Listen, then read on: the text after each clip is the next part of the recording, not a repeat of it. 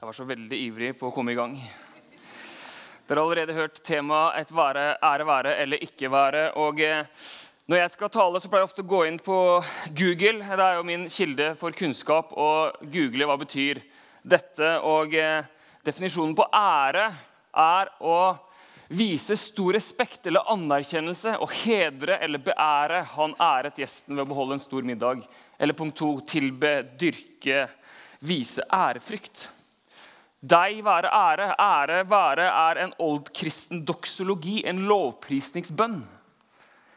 Ære være har gått gjennom hele kirkens historie. Og lenger enn det. I evigheten skal vi se snart. Ære være. Og så googla jeg 'ære være' med sånn apostrof. Da får du akkurat de ordene, og så ser du i hvilken sammenheng står det. Jo, ære være Vålerenga. Ikke så, om, ikke så mye akkurat nå om dagen, kanskje. Ære være de konservative. Ære være dem som bryr seg om Bergen sentrum. Ære være Elsa. Ære være de som rydder. Ære være langsomheten. Ære være Frode Kyvåg. Ære være biblioteket. Ære være Frode Johnsen. Men det forteller hvor tynt det er om dagen. Nå har han lagt opp. Ja, æres, den som, eh, æres bør den som æres skal. Spørsmålet er hvem er det du gir ære i ditt liv?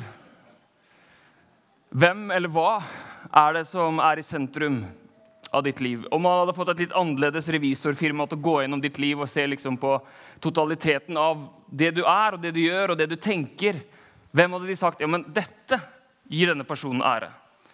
Hvis jeg har sett på det du legger ut på sosiale medier, eller det du snakker om, eller det du tenker på, eller det du setter på bankutskriften din ja, Hva er det som er i sentrum av mennesket, denne, dette menneskets liv? Jeg tror det hadde vært utfordrende for oss alle. Og jeg vil hevde at som kristen så er det et ære være eller ikke være. Om vi ikke gir Gud ære i livene våre, om vi ikke forsøker å sette Gud i sentrum, hva det nå er, av våre liv, så er det et tidsspørsmål før vi slutter å gi Gud ære i det hele tatt. Og slutte kanskje å være troende. Og Det er det jeg skal snakke om i dag. Og det blir ikke noe russe russeballtale, som dere allerede hører. Eh, og Jeg kommer til å utfordre litt. Jeg kommer kanskje ikke til å gi deg sånn umiddelbar inspirasjon til å tilbe Gud, men kanskje en sånn der overbevisning om hvor viktig det er å gjøre det. Mer som en viljeshandling enn en følelse. Eh, det fins en illustrasjon i Bibelen som er ganske eh, talende i Johannes' åpenbaring 4 og Daniels bok kapittel 4. Vi kan bruke disse to som illustrasjon. Så er det to ytterpunkter i Johannes' åpenbaring kapittel 4 så Det er de to apokalyptiske bøkene i Bibelen. I Johannes' åpenbaring kapittel 4 så er disippelen Johannes på øya Patmos, regner man med. Han er på sine eldre dager, og han får et syn. Han får et syn. Og så beskriver han det som at han, det er akkurat som at det åpner seg en dør på en måte inn i evigheten, og så får han se hvordan det er i evigheten utenfor tid. i det som bare pågår og pågår.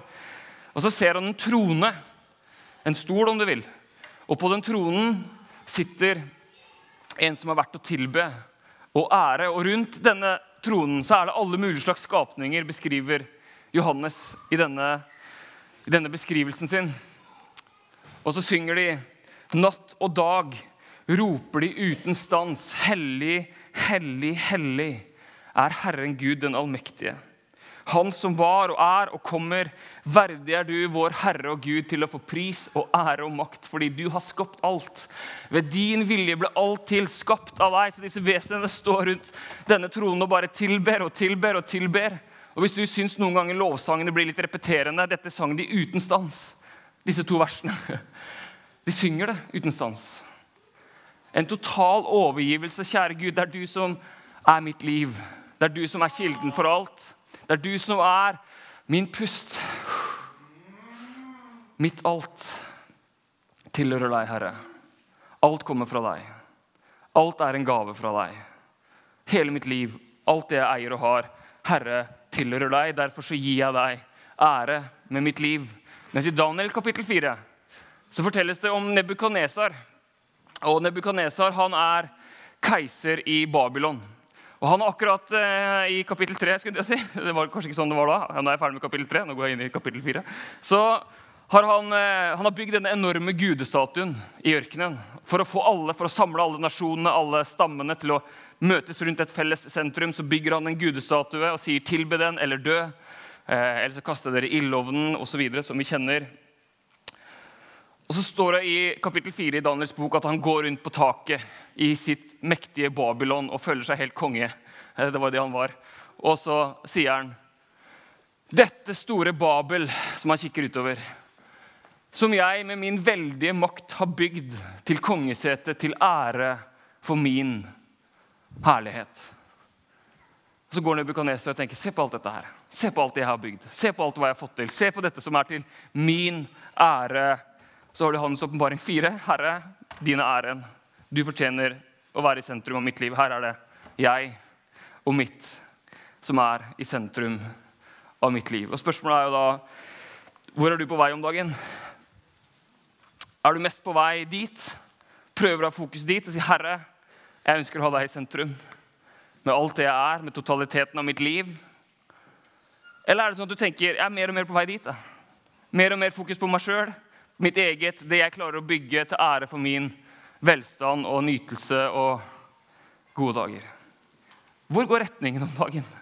Om du hadde sett tilbake på de to siste åra eller fem siste åra, er det mer på vei dit? Eller er du mer på vei mot Daniels bok? Augustin brukte ordet 'å være innkrøket i seg selv' om synd. og ble innkrøket i seg selv. Jeg ser for meg Gollum i filmen 'Ringenes herre' som bare blir mer og mer innkrøket i seg selv, besatt av denne ringen som han jakter. My precious. Man blir mer og mer opptatt av seg selv, sitt eget, istedenfor av det som er av Guds. Magnus Malm skrev om disse tingene i en bok han ga ut i fjor som het eh, 'Som om Gud ikke finnes'. Eh, undertittelen er 'Hva skjer når livet sekulariseres'? Jeg vet ikke om noen dere har lest den. Er det noen som har lest den? Ja, dere skal få lese den nå. Jeg skal gå gjennom noen skriftsteder her. Men han skriver og veldig gøy at ikke så mange hadde lest den, for da, skjønner, da tror dere at jeg er veldig smart. Så siterer jeg egentlig bare Magnus Malm hele denne prekenen, nesten. Eh, sekulariseres, jeg vet ikke hva du forbinder med det ordet, men sekulariseres er egentlig et franskt ord som ble brukt da man tok eiendom fra kirken på 1600-tallet og overførte det til staten. Da sekulariserte man kirkens eiendom. Det som hadde tilhørt kirken, tilhørte ikke lenger kirken. Nå tilhører det verden. Sekulariseres handler om det som er her og nå, det som skjer akkurat i øyeblikket, det som ikke har en høyere verdi osv. I vår tid så bruker man ofte ordet 'sekularisere' om eh, at dåpstallene går ned, eh, kirken får mindre innflytelse, det er ikke lenger en statskirke. Takk Gud. Nei da. Eh, det er ikke kirken og staten er ikke kobla sammen lenger. Videre. Verden sekulariseres. Gud får mindre innflytelse i vår tid. Mens Magnus Malm han skriver ikke denne boken for å advare mot at verden sekulariseres. Han skriver ikke en sånn bok for at nå må vi stå på for å beholde kristendom i skolen minst 55% Han står ikke på for å si at nei, nå må vi få Gud inn i det offentlige, eller man må be bordbønn i skolen, eller noe som helst. Det er ikke det som er hans poeng. For han sier det er ikke så ille at verden sekulariseres. Det som er utfordringen, sier Malm, det er at vi, de troende, sekulariseres. Det verste er når vi som sier vi har, prøver å følge Jesus, begynner å leve som om Gud ikke finnes. Hvordan ser det ut? For noen år siden så fikk Sverige i 2013 en ny arbeidsminister. Fredrik Reinfeldt utpekte en ny arbeidsminister som var kristen. Og så viste det at Hun hadde bakgrunn fra Livets Ord, en, en litt kontroversiell frensk, svensk frikirke. I hvert fall i noens øyne. Hun hadde uttalt seg en eller annen gang kritisk om abort. Og så I det mest kanskje sekulariserte eh, landet i verden så blir hun arbeidsminister. Og det blir ramaskrik i mediene. Hvordan kan statsministeren velge en sånn arbeidsminister? Eh, og hun og Reinfeldt da, må ut og liksom svare for seg for denne kompromitterende bakgrunnen til sin nye dyktige arbeidsminister. sikkert. Og Så går han ut med en statement. jeg vet ikke om det er en pressemelding i litt intervju, så sier han hun føler selv at troen er privat, og at den ikke på noen måte kommer til å påvirke det ansvaret hun har i regjeringen. Og det sekulære Sverige puster letta ut.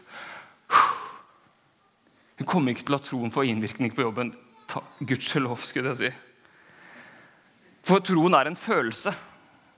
og den er privat. Og Magnus Malm sier han vet ingenting om troen til denne arbeidsministeren. Det er ikke det det her handler om i det hele tatt, men er, han sier at denne statementen er en slags beskrivelse av sekulariseringen. Åh, så bra at folk ikke lar troa få påvirkning for livet sitt. Så bra at de holder den for seg selv, at den er privat. Aller best at den er en følelse og ikke henger så nøye sammen med det som skjer i hodet. Er dette en beskrivelse av din tro? Av vår tro? Ja, det er en følelse. Den er privat, og jeg lar den på ingen måte få påvirkning for mitt liv som barnehagelærer eller kommuneansatt. eller jeg lar den på ingen måte få påvirkning for mitt, mitt, mitt virke som advokat eller pastor. Nei, kanskje ikke. Martin. Um, eller kanskje enda større jeg føler at troen er privat. Og eh, at det er en følelse av at den ikke på noen måte får påvirkning for selve livet mitt. For prioriteringene mine, for valgene mine, for det som er viktig. Sekularisering er ikke bare at folk slutter å gå i kirken, men at folk som går i kirken, å oppføre, begynner å oppføre seg som om Gud ikke finnes. Og Det er ikke et nytt fenomen. Det er ikke noe som skjer nå i, på 2000-tallet. I Jeremias bok fra år 600 før Kristus omtrent, eh, så får Jeremia oppdrag å si noe til folket. Menigheten min er vant til å lese mye på skjerm. Still deg i porten til Herrens hus. Der skal du rope ut dette ordet og si, hør Herrens ord, hele Juda, dere som går inn gjennom disse portene for å tilbe Herren. Så sier Herren over herskaren Israels Gud, gjør veiene og gjerningene deres gode, så vil jeg la dere bo på dette stedet. Stol ikke på de falske ordene 'Herrens tempel, Herrens tempel'. Jeg går i kirka, jeg går i kirka. Men om dere virkelig gjør veiene og gjerningene deres gode, om dere gjør rett mot hverandre, ikke undertrykker innflytterne, farløse og enker, ikke ut, utøser uskyldig blod på dette stedet og ikke følger andre guder til skade for dere selv, da vil jeg la dere bo på dette stedet, i det landet jeg ga deres fedre fra evig tid og til evig tid. Se, dere stoler på falske Ord som ikke kan hjelpe. Dere stjeler, slår i hjel, bryter ekteskapet, sverger falskt, tenner offerild for bal og følger andre guder som dere ikke kjenner. Og så vil dere komme og stå foran mitt ansikt i dette huset, så navnet mitt er ropt utover, og si, 'Vi er berget', selv om dere gjør alt dette som er avskyelig. Det var ikke så gøy å være profet 600 år før Kristus og si, vet du hva, dere går i tempelet og sier 'Herrens tempel', 'Herrens tempel', Herrens tempel, men se på livene deres. Dere sender offerild for Bal. Dere undertrykker de fattige. Dere tar dere ikke av de farløse og enkene. Så sier han, dere må ikke tro at det hjelper å måtte bare si 'Herrens tempel', Herrens tempel. Her vil dere komme og lovsynge mens livet deres henger ikke i hop. Utfordrende, i alle fall for meg. Det er mulig å gå i kirka og likevel la troen få null påvirkning for hverdagen, for livene våre. Og så har vi noen ganger tenkt at eh, Grunnen til at ting blir sekularisert, at kirken blir sekularisert, det er pga. det voldsomme presset utenfra. Det er fordi det er så mye motstand mot de kristne, det er så mye motstand fra vitenskapen eller fra media eller, som liksom utfordrer de kristne. og Derfor så blir vi kristne usikre på hva vi, hva vi tror på, og så blir, så blir, vi sekulariserte. Men så spør Magnus Malm da, igjen et utdrag fra nest siste utdrag her. Tenk om det er kirkene som begynner med å tømme troen for innhold og undergrave troens konsekvens på det ene området av livet etter det andre. Til den kristne troen er helt og holden privatisert. Både når det gjelder selve læren og hvordan den praktiseres. Kanskje er det først da vi ikke har noe å stille opp med mot omgivelsens sekulariserende påvirkning. Først tømmes troen for innhold, så tømmes kirken for mennesker. Eller som Jesus sier, det er først når saltet har mista sin kraft, at det blir tråkka ned av mennesker. Det er en utfordring til oss, i hvert fall i Oslo Misjonskirke Betlehem og til dere i Skien Misjonskirke også. Hva gjør vi for at ikke vi skal tømme troen vår for innhold? Hvordan er vi sammen som mennesker rundt Jesus som gjør at mennesker faktisk får påfyll for troen sin, får dybde i troen sin, får en tro som er levende, som vi snakker om, som varer?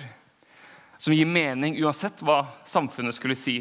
Altså kirken har jo, Det er bare nytt for oss i Norge, fordi vi har vært så vant til å ha en, en statskirke som har vært hatt monopol gjennom mange mange hundre år. Kirken fram til da har jo vært i opposisjon, vært i motstand, vært i, vært i undertall. Så vi bør ikke la oss skremme at vi er i mindretall. Nei, nei, men Hva gjør vi for, at, for å samles oss og vårt liv rundt Jesus? Noe av det som gjør det utfordrende, det er at det er overgangen mellom Johannes' åpenbaring 4, denne stolen her, og Daniel kapittel 4, det skjer så gradvis At man ikke merker det alltid. Jeg hadde Jesus som sentrum i mitt liv, hadde et ønske om det. Men gradvis, museskritt for museskritt eller prioritering for prioritering eller Så bare glir man sakte over til at til slutt så står man sjøl og tilbyr sitt eget rike og sitt eget, eget verk. Eh, det er noen som sier at det går an å koke frosk levende. Jeg vet ikke om noen har prøvd det. Ikke jeg. Eh, men det sies at hvis man putter en frosk oppi vann, eh, kaldt vann og skrur på varmen, så vil frosken tilpasse seg temperaturen, for det har den mulighet til som amfibie. Så Den tilpasser seg temperaturen, til slutt så dør den for at den ikke merker at nå er det for varmt. Så sier Magnus Malm at samme er det kanskje med oss kirken noen ganger. Vi, bare, vi lever i omgivelsene, tilpasser oss, tømmer troen for innhold, og til slutt så er vi døde uten å egentlig ha registrert det. Vi bare beveger oss sakte, men sikkert over til Nebukadnesar. Det er ikke så mye russetall over dette her, er det? Ikke foreløpig. Eh, dersom du kjenner noen som ikke lenger definerer seg som kristne, tenker ja, men de gikk jo her, de var jo med her hver søndag. eller Nå er det ikke det lenger. Nå går det ikke noen kirke. eller jeg vet ikke om de beholdt troen heller. Så er det noen av de som har gjort det fordi de ikke fikk troen til å henge sammen. De, de skjønte det ikke intellektuelt, eller de var gjennom en troskrise, eller de slutta å tro på Gud. selvfølgelig. Men veldig mange de bare, de bare feida ut. Det var ikke noe bevisst valg nå skal jeg slutte å gå i kirka, nå skal jeg slutte å tilhøre Jesus. Nei, det var bare de bare feida ut. Ja, det bare skjedde noe sånt, og så var det sånn, og så ble det så hektisk, og så hadde, var det så fint på hytta hver søndag, og så bare, og bare feida det ut. Og så til slutt så er troen bare en sånn, et fjernt minne for noen av dem. Uten at jeg skal sette meg som dommer over noens tro i det hele tatt. Eh, det skjer gradvis. Og så sier Magnus Malm igjen, siste lange avsnitt. Det er ikke den kritiserte troen som sekulariseres, altså den kritiserte troen utenfra. Det er den ikke-praktiserte troen. Det er den bønnen jeg ikke ber. Det er de bibeltekstene jeg ikke vender tilbake til. Det er den gudstjenesten jeg ikke deltar i. Det er alle de områdene av verden som unntas fra et kristent perspektiv. Det er de gangene jeg ikke reflekterer over hva en ny livserfaring kan lære meg om Gud. Et av de rådene eh, og formaningene fra eldre og mer erfarne kristne jeg bare trekker på skuldrene av. Det er de erfaringene av Guds nærvær jeg ikke lenger tar på alvor og til slutt ikke husker. Det er de bøkene av kirkes historiske mødre og fedre jeg ikke gidder å lese. Når troen på denne måten er blitt sultet ut gjennom langvarig beleiring, er den til sist et lett bytte for den sekulariseringen vi kanskje best kan beskrive som mainstream. Med Jesu ord jeg går ikke lenger på den smale veien der få mennesker går, men på den brede veien der de fleste går. Er det noen som kjenner seg igjen i den ikke-praktiserte troen? Dere er jo her. Eh, men jeg, når jeg leste det, så bare ble jeg så ekstremt utfordra. Altså, det går an å være pastor og profesjonell kristen og likevel bare gjøre det som en greie. Eh, og jeg tenkte, kjære Gud, Hvordan kan jeg få til virkelig at dette her blir en enda større del av hele mitt liv?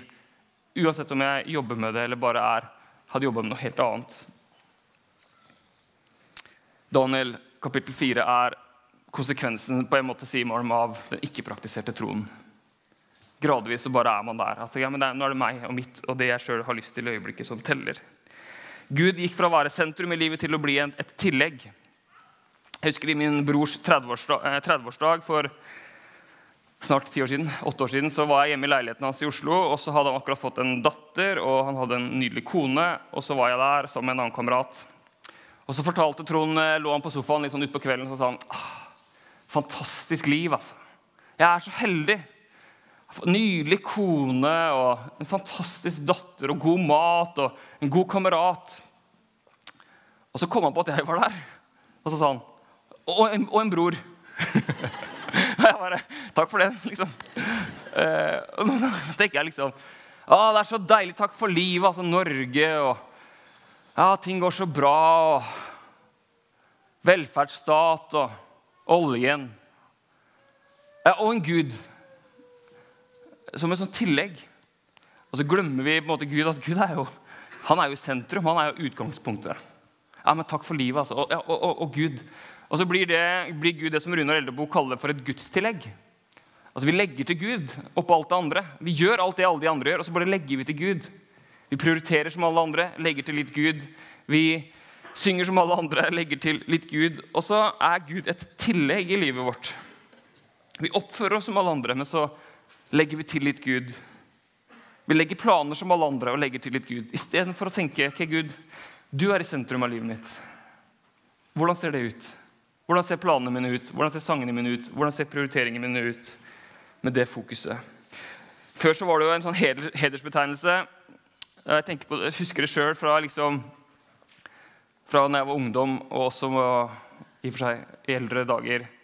Så sier folk, når liksom kollegaene sier etter en stund de har kjent deg på jobben, så sier de 'Er du kristen?'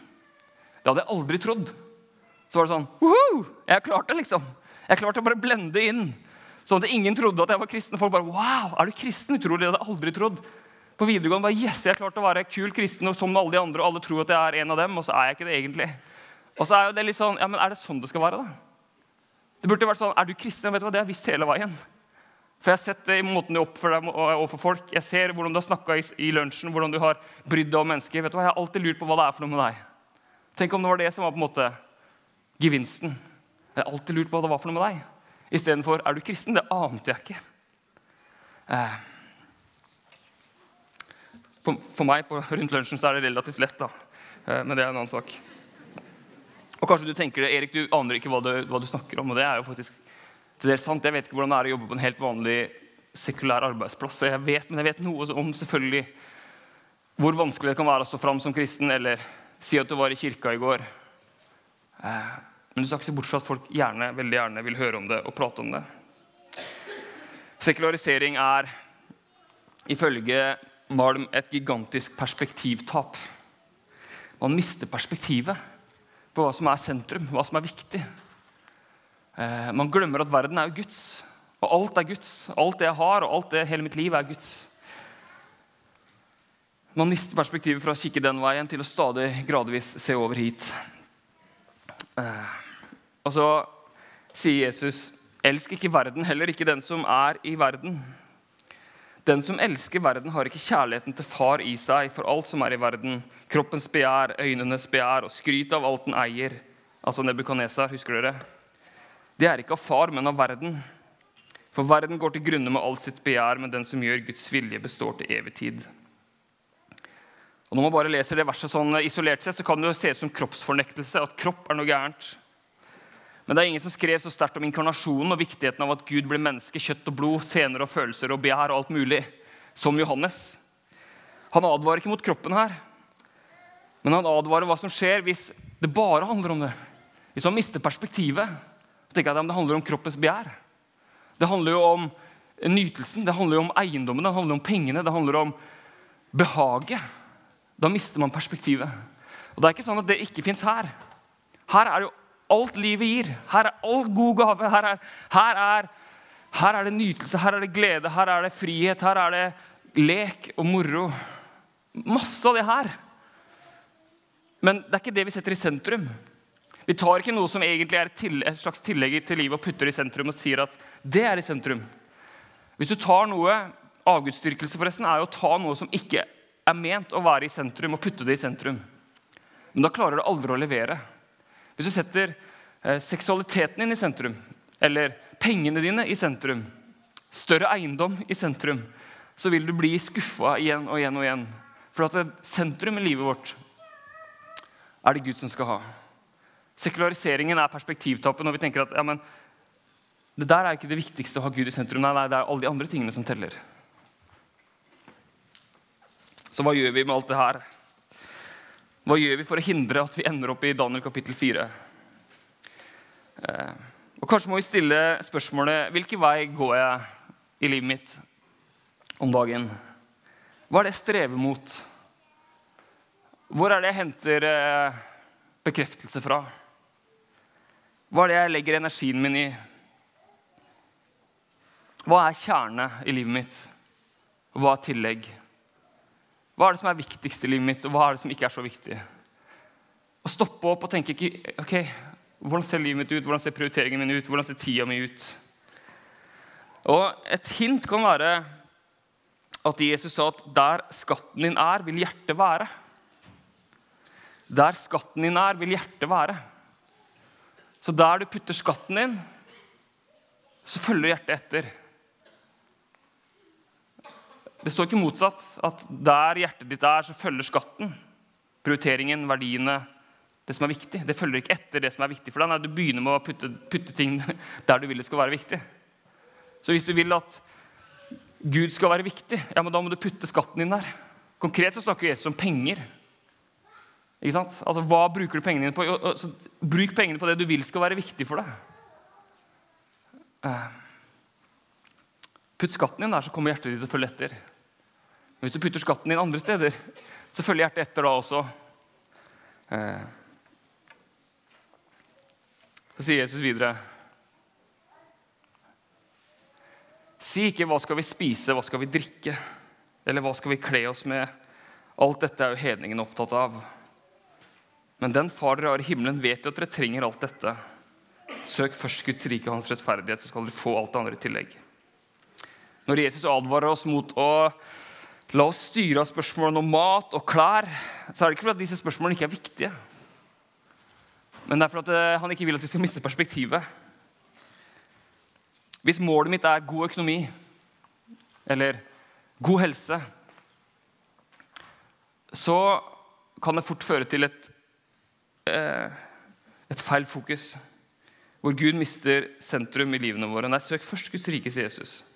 Det betyr ikke en flukt fra hverdagens realiteter. Det betyr ikke at du skal prøve å flykte fra den hverdagen du har og tenke litt, ja, nå må jeg dra på en eller annen bibelskole eller prøve å finne ut hvor er Gud, eller jeg skal dra et sted hvor Nei, nei, Midt i det som er hverdagen din, kan du møte Gud. Midt i det som er en helt vanlig mandag, en helt vanlig tirsdag, en helt vanlig lunsj, en helt vanlig samtale. Det handler ikke om å prøve å flykte, men nettopp i alt som skjer, bare si Gud, i alt det her, hjelp meg til å sette deg først. Um. Et spørsmål som kan være til hjelp når man skal lure på Det fikk jeg ikke med meg, så det er ikke så nøye. Er dette valget jeg tar nå, hvis du står overfor et valg eller et kjøp, eller en avgjørelse, er det i samsvar med Guds rike? Er det i samsvar med Guds rike, det jeg skal gjøre nå? Så går man ikke rundt sånn og tenker sånn til daglig ja, er dette, skal jeg kjøpe den eh, hamburgeren her, er det i samsvar med Guds rike? Men liksom de litt større tingene. Eh, og, hva er, eh, og, hva er, det når man Hva er eh, testen for om det er i samsvar med Guds rike eller ikke? Jo, vender dette valget meg mot Gud og mot mine nærmeste? Kommer jeg mer i kontakt med de rundt meg, de nærmeste rundt meg med Gud? Eller er det noe annet som jeg kommer i kontakt med her hvis jeg gjør denne prioriteringen, dette valget? Hva er det som leder meg imot Guds rike, og hva er det som ikke gjør det? Så kanskje handler det først om å bestemme retning. Okay, hvilken retning ønsker jeg å ha i livet? Og jeg, jeg, kjenner jeg utfordrer veldig her, og jeg blir så utro, utrolig utfordra sjøl. Um, kanskje må man i perioder da, av livet For Magnus Malm sier at sekularisering er skråplan. Det er skråplan. Det skjer, det skjer av seg sjøl. Altså, det er som Per Arne Dahl sier, at uh, i et ekteskap eller i en relasjon så det som, det som kommer av seg sjøl, det er forfallet. Eller på en bygning, hvis du ikke vedlikeholder den, det som skjer av seg sjøl, er forfallet. Så det man må gjøre aktivt i en relasjon, et ekteskap, det er å jobbe, gjøre noe aktivt for at ikke det skal bli forfall. Det går ikke av seg sjøl oppover. Sier Per Arne Dahl. Det var en liten parentes. Samme med sekularisering. Det som skjer hvis ikke du gjør noe, det er sekularisering. Det er å gå fra Johannes' åpenbaring 4 til Daniel 4. Det er det som skjer av seg sjøl. Ergo må du ta noen aktive grep, noen bestemmelser, noen aktive valg for å hindre at det ikke skjer.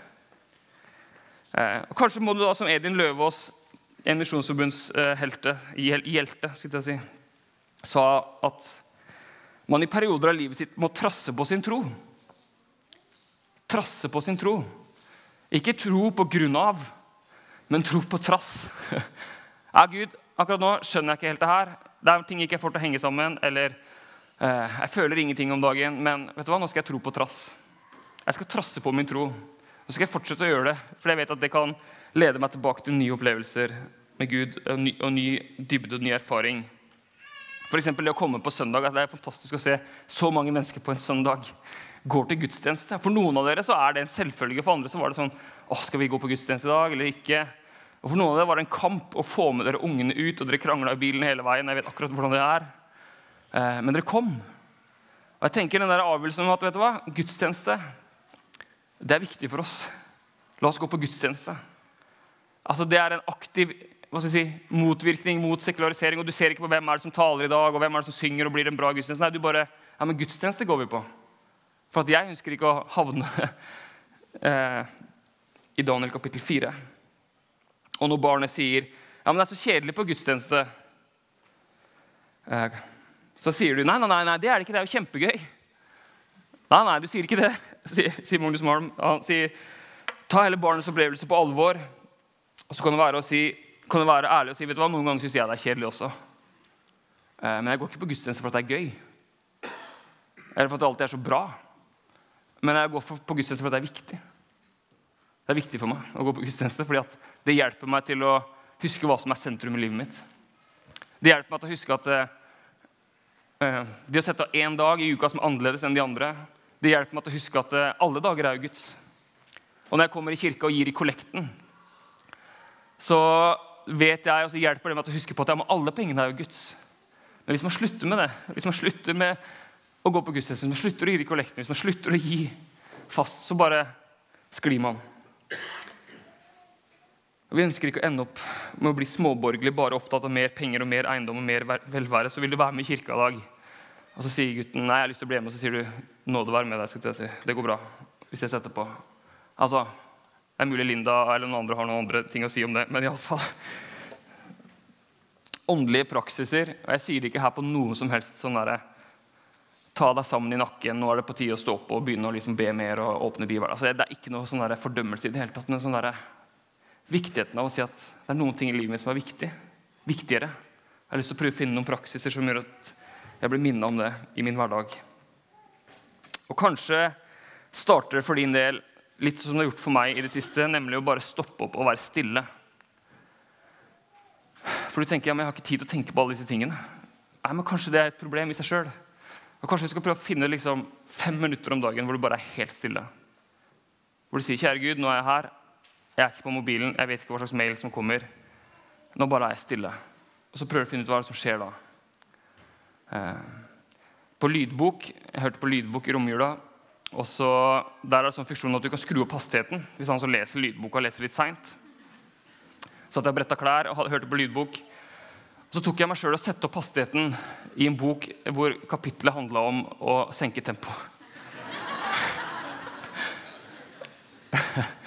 og få tid til stillhet.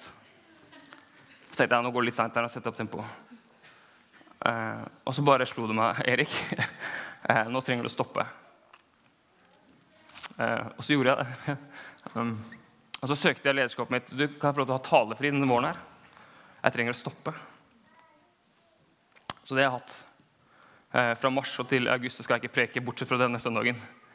Eh, for jeg har sagt at jeg, jeg trenger å stoppe. For jeg, jeg, det bare det bare spinner, og det bare går, og, og Jeg trenger å stoppe.